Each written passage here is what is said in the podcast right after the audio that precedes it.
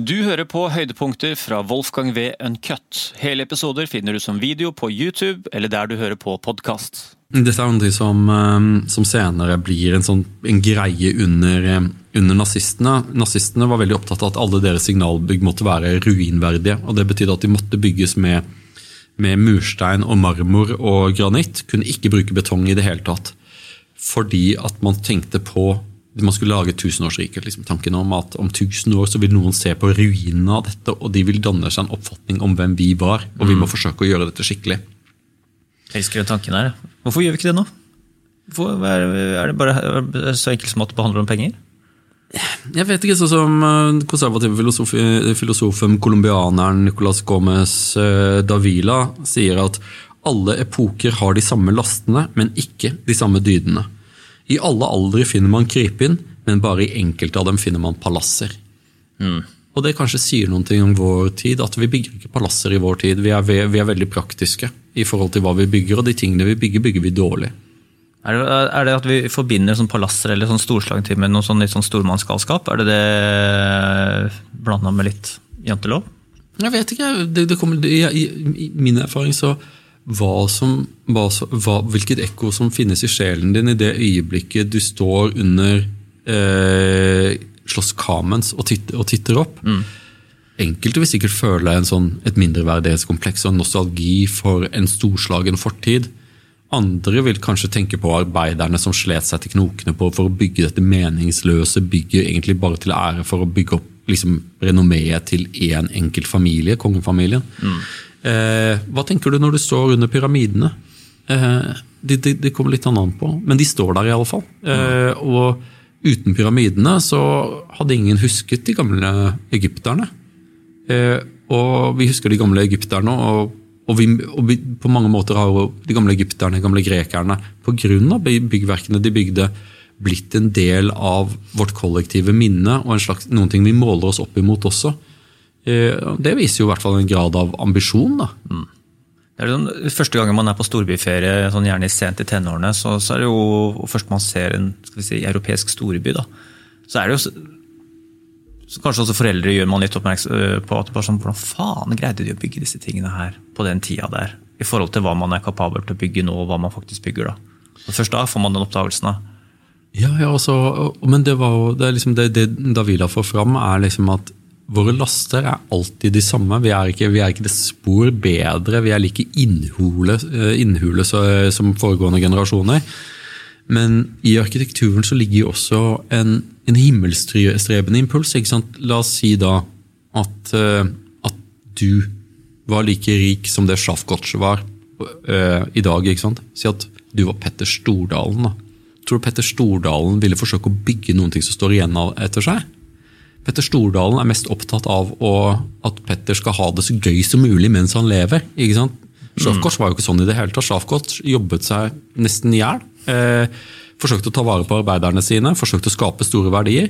Og hva brukte han pengene på? Han forsøkte å, noen, forsøkte å bygge det vakreste slottet som noen gang har vært bygd. Hvorfor gjorde han det? For at han skulle bo i det og nyte det? Nei, han gjorde det tilgjengelig for mennesker som han mente hadde liksom sjelsevner til å, å nyte godt av det. Mm. Men han gjorde det også for ettertiden. ikke sant? Selvfølgelig dels for at man skal tenke at Sjafkotsch, det var gutten sin, det. Men også fordi det sier noen om, om oss som mennesker. Det var noe vi, drifte, vi pratet om i Gullbrikkespillet, om den religiøse impulsen. Den, den, himmelstrebende impulsen. Istedenfor å velte seg rundt i søla og forsøke å forandre på menneskenaturen, som er jo nesten sånn Det er rørende og søtt, liksom. Mm. Sånn som i vår samtid, liksom. Denne, denne, denne higen etter en form for sex som tåler dagens lys, vel vitende om at ingen menn og, nest, og, svært få kvinner er interessert i liksom, den type sex som man liksom, kan vise for moren sin. Eh, men det er det, det er det, vi bruker vår energi på. Da. Eh, mens her er det en, en helt annen, man har funnet en helt annen vei å forsøke å, å si noe som er godt om mennesket gjennom arkitektur. Eh, og, det er, og, det er, det som, som Slottet eh, manifesterer, iallfall for meg. Mm. Er det til inspirasjon for alle som jobber i Obos, eller? ja, er, eh, Nå har jeg jo inntrykk av at dette arkitekturopprøret er i ferd med å, liksom, å, å feste seg. Altså, det, jo, det, er så typisk norsk. ikke sant? Vi er jo, vi er jo bønder fra nord. At det at jeg og du og ja, jeg, Alle har sagt at det nye Munch-museet er heslig, det er stygt. Og har da blitt latterliggjort av arkitektene, som mener at stygt og pent er ikke to ekte kategorier engang. At vi er noen sånne småfolk som, som har sånn Vi forstår ikke mm. at dette, den monstrositeten at den, at den, er eh, funksjonalistisk og bla, bla, bla. Men så kommer det en utenlandsk avis av den typen som norske journalister respekterer, nemlig The Guardian, og sier dette her er jo dritstygt. Det er, og det minner om en flyplass på innsida. Da plutselig blir alle sammen Ja, men det var, det var et interessant innspill. Det at, det at så mange av vanlige folk som bor i Oslo har sagt det samme, det var vann på gåsa. Eh, for vi hadde ikke arkitektfaglig kompetanse, som om det er en greie, mm. når det gjelder estetiske vurderinger. Eh, men når da en utlending sier det, så plutselig ble det sånn ja, nei, det, var, eh, det må vi ta på alvor. Ja, Det er jo vårt evige mindreverdighetskompleks. er det ikke det? Med en gang det er kommer som motstemmer, Hva som skjer i England og USA, eh, er vi jo en sånn konstante mindreverdighets... Eh, ja, vi har et mindreverdighetskompleks eh, spesielt for liksom de nasjonene vi suger kultur ut av. da.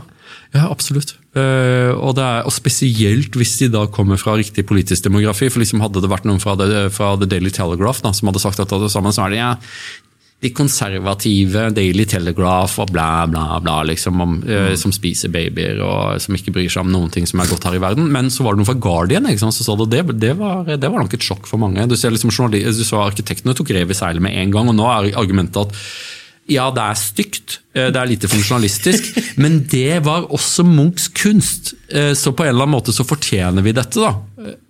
Munch fortjener det på grunn av Hæ?